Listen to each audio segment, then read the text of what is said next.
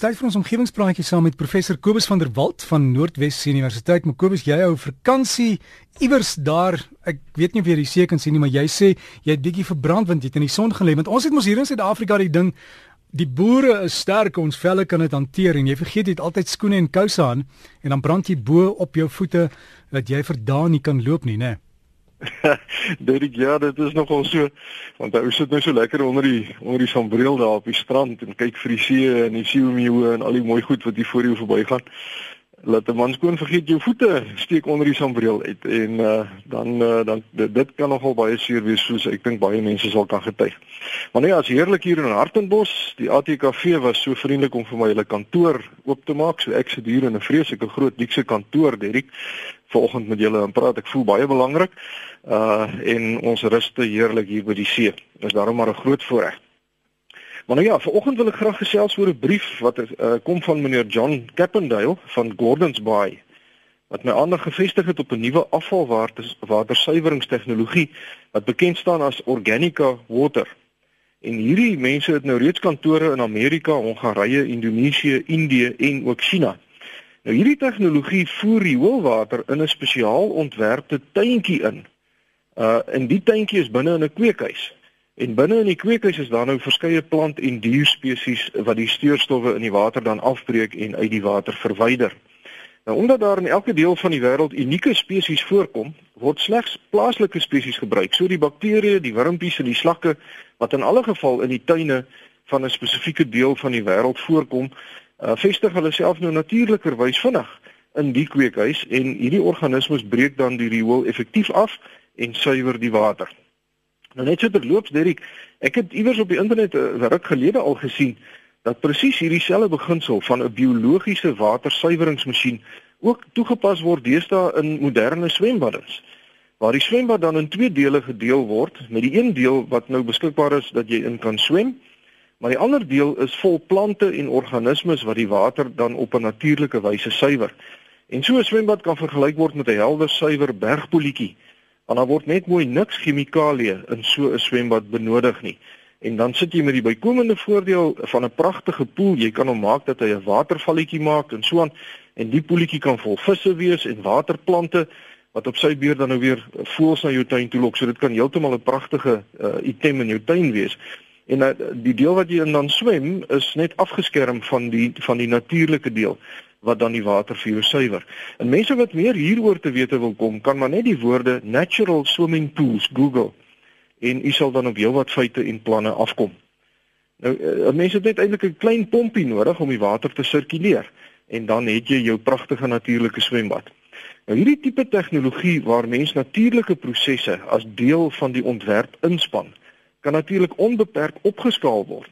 Met ander woorde, as mens nou terug is by die rioolaanleg, 'n mens kan megastede se afvalwater ook op hierdie manier suiwer deur die aanleg eenvoudig net te vergroot of dan meer van hulle te bou.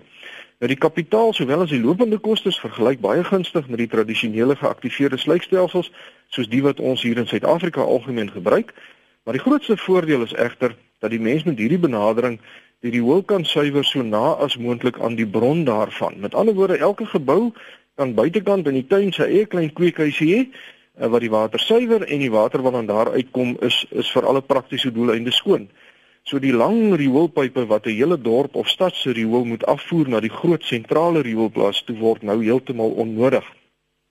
Want hierdie pype het onderhoud nodig en die goed begin na 'n tyd lek en dit veroorsaak natuurlik dat die grondwater gekontamineer kan word.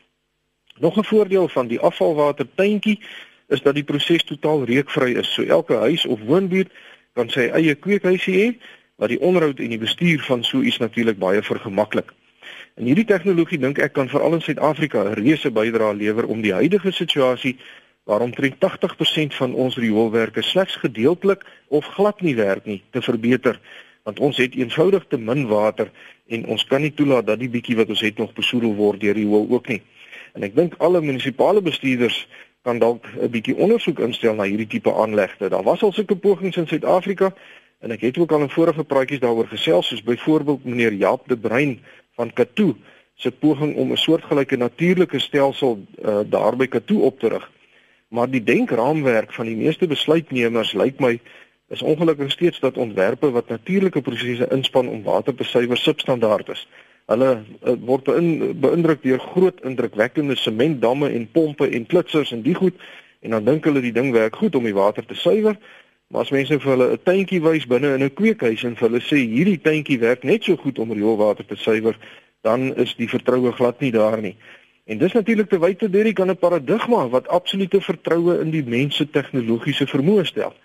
Ek dink ons moet maar net weer 'n slag onthou dat slegs enkele stelsels wat die mens al ooit ontwerp het, naastenby kan kers vashou by die natuurlike stelsels wat die Skepper ontwerp het.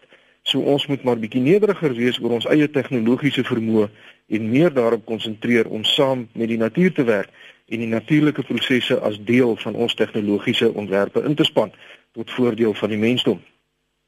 En dit ek dan net twee ander uh, saakies meneer Kappendale maak 'n tweede stelling wat te maak het met waterbesparing en hy sê die meeste stortkoppe is heeltemal te groot en dit laat heeltemal te veel water deur.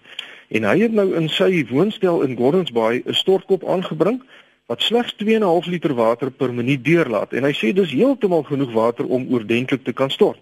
Hy sê sy kinders het aanvanklik bietjie gekla dat die uh, stortkop se straaltjie daarom 'n bietjie klein is, maar hy sê hulle moes maar eenvoudig die beginsel van waterbesparende stortkoppe aanvaar en leer om daarmee saam te leef.